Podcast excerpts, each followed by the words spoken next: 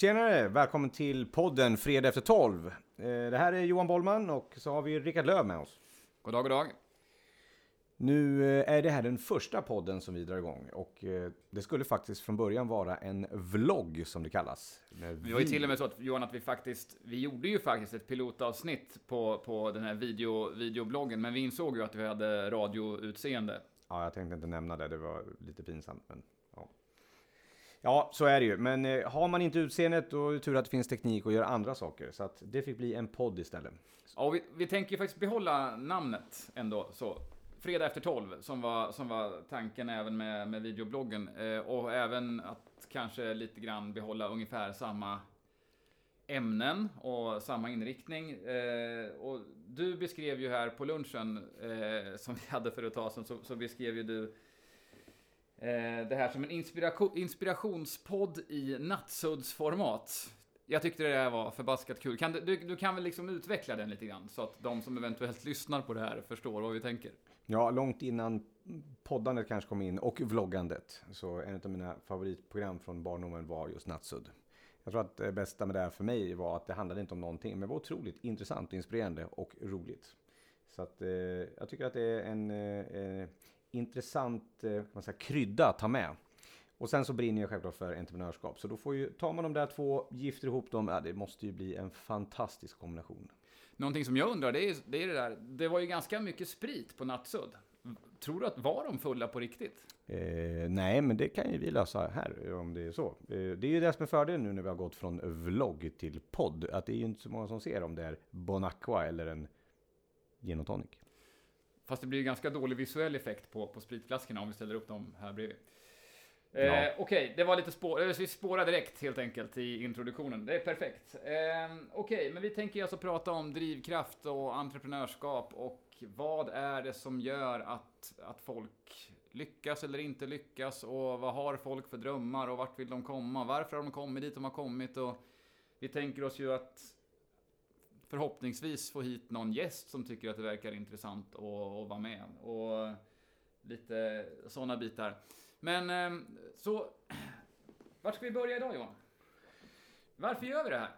Ja, det är väl det lite grann varför vi gör det här. Och vad, en av de stora frågorna jag tycker är intressant att börja med, det är, det är ju när man pratar med alla som på något sätt klassificerar sig eller tänker sig som entreprenörer. Det är ju att den första delen är varför man är entreprenör eller företagare eller vad det är. Vad det är för drivkrafter som, som finns där. För det är, det är ju inte den stora ekonomiska eh, fördelen när man startar företag som ofta är, är drivkraften. Och det är ofta inte tryggheten heller eller, eller att man går ner i arbetstid eller något sånt där. Utan Nej, det är ju inte, alltså socialförsäkringssystemet är ju inte direkt byggt för entreprenörer, så det är ju inte därför man blir, väljer att bli egenföretagare. Det, det kan vi ju säga. Nej, det måste vara något annat. Något som, som gör att det, det finns den här passionen och sitt eget. Och jag tror att det kommer i de här ens egna individuella varför. Mm. Vad det är som, som man vill uppnå och eh, förverkliga. Och jag tror att den är unik för de flesta. Mm. Eh, Och det är det som är det, det roliga kanske att, att börja grotta i och gräva i lite grann. Men om man, reder, om man börjar med att reda ut det här som ju kan låta lite semiflummigt och lite så här. Det här med att ha ett varför. Ett personligt varför. Man pratar ju mycket om det här med att företag måste jobba mot ett tydligt varför och inte, alltså pengar är inte ett mål, pengar är ett resultat och så vidare. Man gör någonting eh, som mer bygger på drivkraft och engagemang och att man kanske vill alltifrån förändra världen eller servera världens bästa mat eller världens bästa upplevelse eller vad det nu kan vara. Men red ut, eller vi reder ut helt enkelt. Vad är ett personligt varför?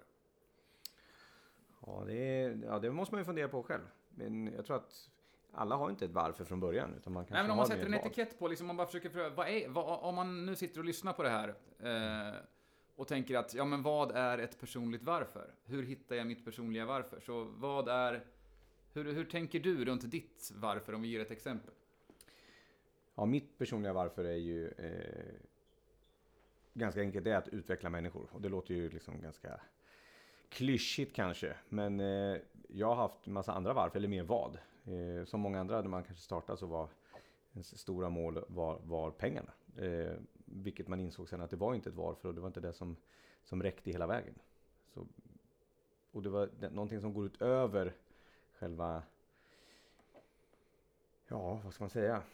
Eh, som, som liksom ligger överallt. Oavsett vad jag jobbar med, oavsett vilken tjänst och produkt så är, är, är mitt val för att utveckla människor. Och då, då, då håller det mycket, mycket längre. Det Mm. gäller i, i oavsett vad jag gör. Om det är så att jag håller en föreläsning så är det att ut- utveckla människor. Eller om jag hjälper ett företag att eh, utveckla marknadsföring så är det också att utveckla människor. Mm. Så, och då faller det in i en mängd saker oavsett vad jag vinklar och vrider. Och även när jag gör saker som jag inte får betalt för. Så ger det mig fortfarande någonting tillbaka. Mm. Därför att det är mitt varför att utveckla människor. Okej, så om man tar det här, ett personligt varför då, så tänker man att det, det är inte alltid det är så lätt att hitta det i, i jobbet. Vissa, vissa personer har ju kanske mer ett jobb för att man har sitt varför på fritiden, medan andra personer har sitt, sitt varför och sin drivkraft i det man gör på, på arbetet. Och jag tänker att det egentligen inte spelar så himla stor roll, men om vi fokuserar på, eftersom podden ändå handlar om entreprenörskap. Om vi tänker oss då att, eh, att man försöker ha ett tydligt och bra varför i, man, i det man gör. I sin, i, antingen om man är entreprenör eller om man är anställd, det spelar egentligen ingen roll. Men eh, det, för det, anställningsformen påverkar ju egentligen inte om du har ett tydligt varför i din, i din uppgift mellan, mellan 8 och 5 höll jag på att säga. Då behöver man inte jobba mellan 8 och 5. Men eh, Men det går nu ihop också lite grann. Den delen. Alltså, även om man kanske har ett 8-5 jobb som vi kallar det och sen så har man kanske något annat, en sport eller en, Mm. en passion eller en intresse som driver ens varför. Men jag tror i slutändan oavsett vad man gör så kommer det genomsyra allting. Jag menar tittar man Mm. på vad du gör, du är ju en framgångsrik entreprenör och jag har, har säkert ett varför där och ditt eget och sen har jag du även eh, i din eh, sport eh, oavsett vad du tar dig för så känns det som att de här varför är på något sätt grundat i samma sak. Eller så har jag fel, men det är... Ja, jag, jag tycker den intressanta grejen är att ställa mig själv frågan om jag fick, om jag fick välja vilket jobb jag ville. Eh, men jag ändå så att säga måste gå till jobbet. För självklart skulle jag skulle kunna tänka mig att gå i pension. Jag är ändå, jag är ändå snart 46. Så, eh, men om, jag inte, om inte pension är ett alternativ, utan jag ska, jag ska ha ett, ett normalt jobb och gå till jobbet 8 till 5. Vill jag, vill jag göra det jag gör idag eller vill jag göra någonting annat? Och, och för mig är det så att jag vill ju fortsätta göra det jag gör idag. Mm.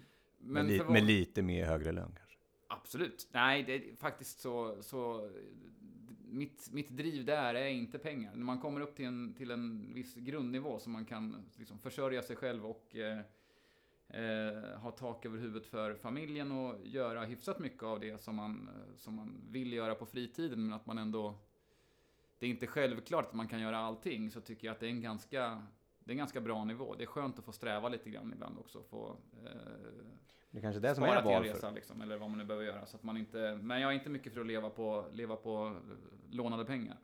Nej, det är kanske det som är just ett varför. Att man, eh, när pengarna inte blir det absolut viktigaste utan man kommer upp till en, till, till en nivå man tycker att man, där man har tillräckligt just för den delen för att försörja sig. Mm. Eh, så finns det så mycket annat. Det andra är outtömligt. För är det som många drivs av pengar så är det aldrig nog.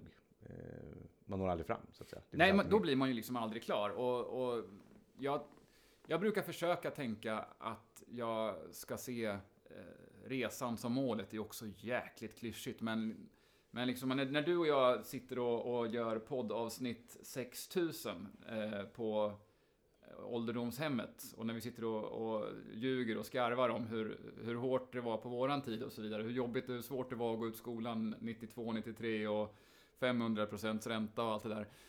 Eh, när man liksom sammanfattar livet, då vill man ju ha haft kul, känner jag. Ja. Eh, och, och då tänker jag att då måste man ju ha det längs med vägen här. Och, och, och har man kul både när man jobbar och på fritiden så är det optimalt för mig. Och kan man inte ha kul både på jobbet och på fritiden så får man ju ha kul på den ena delen. Och då kan det ju vara så att jobbet har man för att man till exempel tjänar så pass bra så att man kan vara ledig och göra det man brinner för. Om man nu gillar att åka till Hawaii och surfa två gånger om året så är det klart att det är inte svinbilligt och då kanske man måste ha ett, du behöver inte älska ditt jobb men du kan älska din hobby.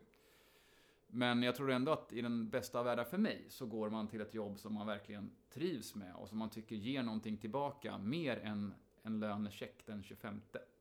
Mm. Så tänker jag. Och jag vet att de här grejerna har ju varit, om man, om man frågar folk som, eh, när man gör undersökningar helt enkelt på, trivs du med ditt jobb? Skulle du, är det här det du vill göra? Så är det ju förvånansvärt många som faktiskt helst av allt inte skulle vara kvar på sitt arbete. Ja, och det är en hemsk, hemsk tanke. Eh, med tanke på så mycket tid vi spenderar på, på våra yrken och det vi gör. För att för, förtjäna våra uppehällen. Ja, ja, ja, men tittar man på det så om man skulle dela in dagen i tre delar så är det liksom åtta timmar sömn, åtta timmar jobb och åtta timmar fritid. Så, och den där fritiden, den går ju åt till att, eh, menar, den lilla fritid man har före jobbet, den går ju oftast då till att eh, äta frukost och få iväg barnen till skola och såna där grejer. Ja, så det, det, är inte så många timmar om dagen som man inte är på arbetet eller sover. Nej, och sen som, som företagare och entreprenör, kanske, speciellt som kanske i det mindre formatet, då tror jag nog den där uträkningen lite annorlunda. För då är det nog åtta timmar arbete på jobbet, sen är det åtta timmar arbete efter jobbet. Ja. Och sen är det, det vara. Är det några timmar ångest där och sen är det några timmar sömn. Ja, uh, ja det är väl någonstans så. Mm. Uh, en stor del också i den här delen som vi har pratat om gällande att ha en podd och prata entreprenörskap och drivkrafter och sådana saker. Mm. Är också, jag är helt övertygad om att det sitter mängder med, med duktiga drivna entreprenörer men man är ganska ensam i den här rollen ofta.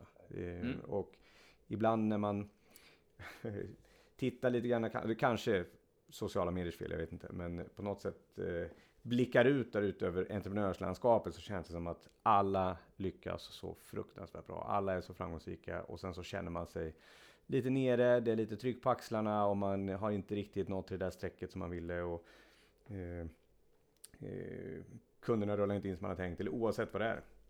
Instagram, Instagram-känslan helt enkelt. Ja, ja precis. Instagram-känsla. Eller det att alla, alla är i Thailand nu vid jul. Mm. Alla.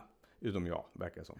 Och alla har superfint hemma och alla har den största och finaste granen och barnen får de dyraste och bästa julklapparna och... Eh, ja, det är orättvist. Jag tycker, ja. det, jag tycker att det är orättvist. Det, är, det är min enda känsla. Det är orättvist. Nej, men jag tror att den känslan infinner sig också väldigt mycket, men den, den delen törs man inte riktigt prata om. Därför att det är ingen som pratar om de tunga tiderna. Och det handlar liksom inte om att inte ha tunga tider, utan jag tror att den viktiga delen är just att hur man tar sig därifrån mm. och hittar drivkraften att just ta sig därifrån. För det är inte så svårt att vara stark, flashig, cool på topp på Instagram när liksom livet... När livet går bra? Ja, livet leker, Nej. bankkontot är fullt och ja, det står en Ferrari ut på gården liksom. Det är inte så svårt. Men att, eh, men att, att vakna upp, känna sig stark, i alla fall ha energi och driv mm. den morgonen där det där är motsatta, där det inte är så lätt. Mm. Det är de valen man gör då är de som är avgörande. Och de behöver man kanske ibland inspireras till. Därför att förstå att inte självklart att man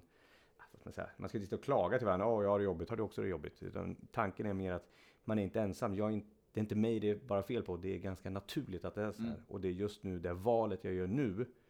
Att ligga kvar i sängen eller ta fram min energi och, och drivkraft och mitt eget varför. Som kommer att avgöra min framtid härifrån. Mm.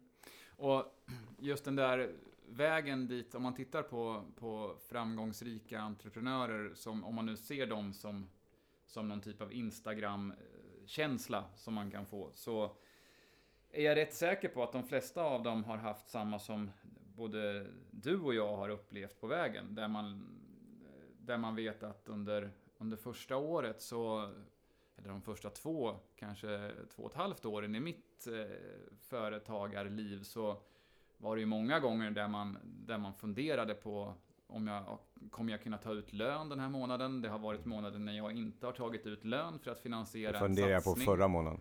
Ja, till, till och med så. Eh, och, och det... Det är klart, man pratar ju inte så jättemycket om det. Det var inte så att jag gick eh, under mitt första år när jag försökte etablera mig som någon typ av eh, duktig person som man kan plocka in för att, för att förbättra företagets försäljning. Eh, det var inte så att jag gick och skröt om att jag funderade på hur ekonomin skulle gå ihop. Det var ju till och med så att, att eh, hemma så jag fick ju sluta prata jobb hemma för att jag hamnade väldigt ofta i någon typ av ekonomisk spiral där man tänkte, eh, där det var Ja, hur ska jag göra för att komma upp till just den här nivån? Vet, man har räknat ut den här nivån. Vart, hur mycket måste jag fakturera per månad för att kunna ta ut lön, ha en bil? Eh, då, på den tiden hade jag inte, inget kontor heller, men det handlade ju mycket om att ta ut lön, vilket innebar att man skulle betala då sociala avgifter och, och de bitarna. Eh, bara en telefon och en bil som man, jag behövde. Var ja, jag behövde inte mer för att starta. Man har, många har, det är inte bara i uppstarten. Eh, Självklart, jag har haft precis samma sak i en uppstart för ganska många år sedan. Men, eh, och jag har suttit även där uppe på toppen och tyckt att nu kan ju, nu är, nu är man ju här, vad skönt. Mm. Nu kommer, nu är det bara, ja det bara att fortsätta vägen uppåt. Ja. Men det visar sig ibland att livet är inte riktigt så. Utan även fast man har varit i botten och på toppen så är Mm. det är det ibland väldigt snabb väg ner till botten igen. Mm. Eh, och jag tror man behöver påminna sig också om de här delarna och, och diskutera alla ämnena. Inte bara hur man gör när man är för tillväxt och, utan även hur man reser sig och, och hur man, vad man, hur man, för det är då, om vi går tillbaka till egentligen ursprungs vad vi, vad vi pratar om när vi började idag, så är just det, det är då det här varför Mm. är som viktigast. Mm. Om man inte har det, är jag övertygad om, i hjärtat, så kommer man inte resa sig upp från golvet den gången man råkar hamna där Mm. av en outgrundlig anledning. Ja, vi brukar ju prata ganska mycket om ämnet genomförandekraft när vi pratar. Och, och det är ju ditt favoritord Johan. Så det, eh, och jag tänker att vi är väldigt bra, jag vet inte om det här är en kulturell grej, om det är så att vi är väldigt bra på det i Sverige eller om det är hela världen eller om det är, ja, har ju mest erfarenhet av, av det svenska eh, entreprenörskapet, men vi är ju väldigt bra på att fastna i modeller och strukturer av så här. Att man plockar fram en modell för så här ska man göra. Men pro- det finns väl ett grundläggande problem med, med modeller och det är att de gör inte jobbet. Utan det, de kan vara fantastiska som hjälpmedel, men du måste fortfarande som entreprenör ha drivkraften att genomföra. Och då handlar det ju om att till exempel eh, lyfta luren. Så, bara våga ringa. Jag har ju några exempel från, från min, eh, min karriär. Jag har träffat lite nyare entreprenörer än vad jag var och jag mer eller mindre har tvingat dem att du måste ringa de här. Så, så här många samtal ska du ringa per vecka. Och inte så, de behöver inte göra det år efter år, utan det var det här, de var tvungna att komma igång, tvungna att få de första kunderna, de första fakturorna skickade, för de var otroligt duktiga på det de gjorde. Men problemet med att man är duktig, eh, ja det är inget problem med att vara duktig, men problemet är att ingen vet att du är duktig om du inte talar om det. Så, Mm. så där finns det ju mycket att, att liksom, det finns ingen modell som hjälper dig att lyfta luren, du måste lyfta luren själv. Så även om det står att du ska ringa 10 kunder den här veckan, så blir de inte ringda om inte du gör det. Och det är väl just den där grejen kanske som, om man nu ska titta på entreprenörskap och framgång, så framgång för mig eh, har en otroligt dålig koppling till pengar. För att framgång kan ju mycket väl vara att jag vill jobba halvtid och spendera mer tid med, med mina barn och jag vill kunna ta ut en, en fair enough lön på det. Eh, når man dit så är man ju framgångsrik. Det är alltså inte, för mig handlar det inte framgång om att ha den där, vad sa du, Ferrarin på uppfarten och eh, Ja. så. Det, Ja, den har inte stått där någon gång Ja. förresten. Men eh, man kan väl få drömma om den. Men jag tror då, det jag håller med fullständigt. Och det är, eh, eller ja, jag skulle uttrycka det som att det är, om man når målen, för det viktiga delen är att sätter du inte mål så, så kommer du inte komma någon vart heller. Mm. Eller jo, fel. Jag, jag tar tillbaka det. Ja. du, du kommer komma någonstans. Jag höll med. Ja, Hörde du ja, det? Ut- utan ja, du börjar hålla du med. Men ja, du kommer komma någonstans. Men du kommer kanske inte komma dit du vill. Det är väl det som är själva delen. Börja om nu sådär. Vad, vad sa du nu? Om man, har, om man har ett mål så kommer man inte komma någonstans. Var det ja, där vi landade? Ja, fast det stämmer ju inte för man kommer ju någonstans men du kanske inte kommer dit du vill. Men om du vill komma dit du vill, oavsett om det är att jobba halvtid och göra något annat på andra hälften, Mm. så måste man ha ett mål. Mm. Eh, och det är ju egentligen i måluppfyllnaden som är framgången. Ja. Eh, och, och vägen dit är kantad av motgångar, medgångar och hårt slit och mycket genomförandekraft Mm. är ju eh, just det som är avgörande och det är på vägen dit som man behöver både sitt stärka sig med sitt, med sitt varför och, och Mm. allt sitt driv för att, för att ta tag i alla de saker som måste genomföras. För det är som, precis som du sa, det är ingen annan som kommer göra det åt mig. Men det där med mål är ju lite spännande och intressant för att det, det är förhållandevis ofta så att eh, många saknar tydliga och konkreta mål. Och för många kan det till och med vara jobbigt att sätta ett mål, att, det blir, att de känner att det är hämmande. Ja. Men det är inte bra då om man siktar mot stjärnorna och når trädtopparna? Eller? Jo, om man, det är också, om vi nu ändå ska slänga oss Det är med klyschor jättebra om man vill ju- nå trädtopparna, Ja. så är det jättebra. Precis, det, det är ju det är kanske bättre att sätta ett, eh, ett realistiskt mål. Alltså när jag, Eh, det finns ju sådana här gamla klassiska förkortningar. Den gamla för klassiska förkortningen SMART i, i målsättning. Specifika, mätbara, accepterade, realistiska och tidsatta. Skitbanal, men, men ändå så... Den är ju... Den är ju banal och bra samtidigt. För att om ett mål... Ett mål kan inte vara så mycket som möjligt eller så högt som möjligt. Och ett mål som är, jag att sikta på stjärnorna för att nå trädtopparna är ju en alldeles för stor diskrepans mellan, mellan mål och resultat. Det är ju bättre då att, att sikta på sikta över träden och träffa trädtopparna, men alltså man sikta en decimeter över träden. Då kan det vara okej att landa trädtopparna. Men, men inte liksom, vi kan inte missa med flera hundra mil. Nej, jag eh, anser ju, det här blir ett helt annat poddavsnitt känner jag. Men det där är ju, för där har jag en, en, en tes i att en del i vår jante, och nu pratar jag generaliserande, mm. fruktansvärt generaliserande. Men eh, vi i Sverige har en ganska kraftig jante och inte kan väl jag och inte ska väl jag och så vidare. Eh, jag brukar säga att det är lite brist på ibland på självförtroende med, om man jämför med andra sidan Atlanten till exempel. Amerikanerna. Precis, och då, jag är helt övertygad att det handlar om just en sak. Det är att för mig är att självförtroende tror jag byggs till stor del av att man just når sina mål.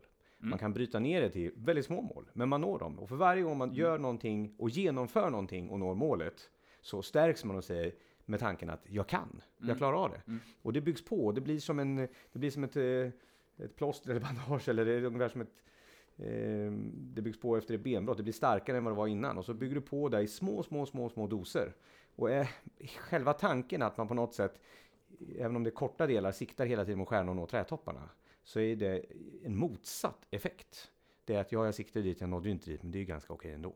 Mm. Till slut så, så tror man aldrig på dit man siktar. Och då är det ju till slut ganska värdelöst att sikta överhuvudtaget. Ja, ja. Det är bara att, att vandra runt och famla runt någonstans. Utan jag tror att den delen att lära sig att sätta mål, om så bryta ner dem därför att livet är väldigt jobbigt, så korta mål som i eftermiddag, mm. eller till lunch, eller till imorgon är en otroligt viktig del. Men jag tror att den delen men är vi inte inne på Instagram, Instagram-känslan där också då när det handlar om det här med mål? För jag brukar ibland fråga folk som tycker att det är jobbigt med mål om det är så att rädslan att misslyckas är ju ofta större än, än, äh, än chansen eller möjligheten att lyckas. Alltså du är mer rädd för att... Så, så det, rädslan för misslyckande tar över helt enkelt. Så att, och ja. Är inte det egentligen också då en typ av stigmatisering egentligen ur perspektivet att tänk om jag satsar på det här egna företaget och går i konkurs? Ja, men jag är övertygad att den, det var bort från micken här, men måste ju, även, även om man inte har någon videokamera här som, som pekar på den så måste man kanske prata i micken, det är bra. Men jag är helt övertygad att det är en, en stor del av den är ju eh, oron för vad andra tycker. Ja. Det var det du ville komma till? Ja, men jag tänker så. Ja, alltså, om om det, det är, är, är så jobbigt att sätta ett mål så att man inte, så att man tycker att man inte ens vågar sätta det för sin egen del, utan att man måste kalla det för något annat än ett mål bara för att det inte ska bli ett mål, för man är så rädd att misslyckas. Jag menar, jag vet ingen som har misslyckats så mycket som jag. Jo, oh, ja. Ja. Okej, nu har vi en tävling i vem ja, som har misslyckats vi får, vi tar, Det blir också ett poddavsnitt. Vem har av, eller misslyckats mest? Vem är sämst? Vem, vem är sämst? Ja, nej men det är, en, det är en riktigt intressant tanke där, speciellt för hur vi kan hur vi kan vara oroliga för, så oroliga för vad andra människor tycker. Mm. Eh, så att det totalt hämmar vår genomförandekraft. Ja, men och jag, jag, tror att det där är just den här grejen som du... Eh, du, du sa ju förut eh, någonting om framgångsrik entreprenör. Och det där, jag får höra det där ibland, att ja, men du är ju framgångsrik i det du gör. Och Ja, det är ju kul att folk tycker det, men jag vet inte, de har ju bara, då, då ser de ju bara de saker jag lyckas med. Och självklart är det så att jag går väl inte och basunerar ut alla projekt som jag har misslyckats med eh, helt och fullt, men jag vet ju att om jag planterar tio stycken, om jag sår tio gånger så kanske det är en som växer. Eh, och det innebär att nio av de här tio gångerna så har jag ju dragit igång eller provat eller testat eller åtminstone gjort en förstudie på ett projekt som inte blir bra. Och jag sätter mål både för, min, för mitt företagande och för min, eh, mina privata hobby liksom i, i tävlingscyklandet som jag självklart, vissa, vissa mål når jag och andra når jag inte. Konstigare än så är det ju inte. Men, men det folk ser är ju Instagram-bilden. Mm. Liksom, det är ju den här prispallen eller bokslutet där man har gjort, eh, där man har gjort X kronor i vinst. Men det är ju ingen som kollar tillbaka på mitt bokslut 2000, vad det nu kan vara, 14 när det var 16 000 kronor i vinst. Man var liksom näsan över vattenytan precis. Det, Men jag tror att också den blir en, en jag tror att den viktigaste delen är sin egen självbild, alltså den, vad, hur, man, hur man ser på det själv. Jag, menar, jag tror att de flesta har så att man, som du sa, man, man har, har tio projekt varav nio misslyckas och lyckas med ett. Och det där man visar och det andra ser är de gångerna eh, man lyckas och det andra försöker man eh, ganska bra dölja. Men, men hur? Och det spelar inte så stor roll hur vad andra tycker eller hur de ser det, utan det är hur du själv ser på det. det men man kan ju välja att se då att jag har misslyckats nio gånger och, och lyckas en gång. Mm. Eller så kan jag ju tänka att jag har hittat nio sätt som det inte funkar på. Ja, den här gamla eh, Edison. Edison, precis. Tanken. En klok eh, gubbe. Hur många var det? Sju, vad heter han? 700? 1000, 999 glödlampor som sätt man inte gör en glödlampa. Ja. Eh, som lyser. Men eh, jag tror att det är en, en men det är ju lätt att sitta här och säga hur man gör. Mm. Det ska bli intressant också. Vi får väl eh, knåpa ihop det. Det finns ju otroligt mycket fantastiska entreprenörer som är både duktiga på alla de här delarna eller olika delar av de här sakerna. Mm.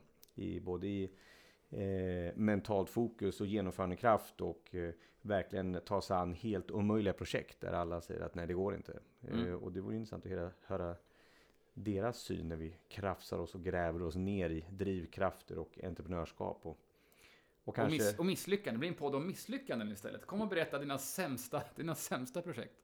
Ja, eller vad är det? Det här avsnittet kanske blir vårt sämsta avsnitt då. Ja. Ja, men då får vi vara... Vi är, vårt mål då har vi, då har vi lärt sämsta, oss ett sätt hur man... Den sämsta podden någonsin. Ja, då har vi lärt oss hur man inte gör. Ja. Och det är bra. Ja, absolut. Då ja. vet vi vad vi inte ska göra nästa gång. Ja, men det här ska väl bli en hel serie, en fredag efter tolv-serie. Ja, precis. Och sen får det väl bli lite mer kanske fokus på, på lite olika ämnen. Och sen mm. så, om det mot förmodan är någon som lyssnar, mm. så är det ju som alltid jättekul att eh, eh, ja, kommentera och säga vad man skulle vilja prata om eller vad, vad vi ska prata om. Eh, Precis. Inspirationspodd i nattsuddsformat. Jag var tvungen att läsa det. Jag var tvungen att skriva upp det eftersom det var så fantastiskt bra. Eh, den heter ju Fredag efter 12. Ska vi bara som eh, avslutning på det här då förklara eh, varför vi har valt att inte kalla den för eh, någonting som har, alltså vi ska ju prata om drivkraft och Drivkraft och entreprenörspodden. Ja, utan ja. vi valde ju att kalla den här för Fredag, fredag ja, efter 12. Del... Och varför, var, var, varför heter den så? Ja, det kan ju vara två saker. Den ena delen är att eh, vi helst inte vill jobba efter klockan 12 och tycker att det är mycket trevligare att sitta och vlogga eller podda. Ja, nu vart det ju poddar då. Ja. Eh, och gärna med lite nattsuds Natsuds eh, Inspiration. Ja. precis. Eh, men man det kan dricka lunch på, tors, på fredagar. Så kan man också ha, men, men eh, sen är väl en av grundtankarna om man tänker sig att man har Eh, man kan säga att fredag efter 12, det är då entreprenören börjar tjäna pengar. Resten ja. går åt att täcka kostnader. Eh. Precis. Ja, det gäller, egentligen är det väl så för de flesta företag att eh, fram till fredag lunch så täcker man eh, kostnader för lön och overheader och någonstans efter klockan 12 så det är då vinsten genereras. Mm. Eh, så vi sitter ju alltså och pratar bort våran potentiella vinst. Ja, nu är det ju inte pengar som driver oss, eh, Nej, Rickard. Så jag vi... säger bara att vi pratar bort vinsten. Det var bara ett krasst konstaterande. Ja, och det beror ju på vårt varför. Ja. ja som eh, nu lutar mer åt att podda än att tjäna pengar som de sanna antropologerna vi är, så vi egentligen bara vill, vill människors väl, så ser vi till att vi offrar vår, vår egen företagsvinst för att dela med oss av tankar och funderingar runt entreprenörskap. Ja. Ska vi, eh, ska vi hitta ett sätt att runda av där eller? Vi, eh, jag tycker helt enkelt att vi bara avslutar där och eh, säger att fredag efter tolv, vi passar på att önska en trevlig och kanske eftertänksam helg helt enkelt. Där man kan fundera på, går du till rätt jobb på måndag eller borde du kanske starta eget? Bra tanke. Bli giggare. Trevlig helg! Trevlig helg!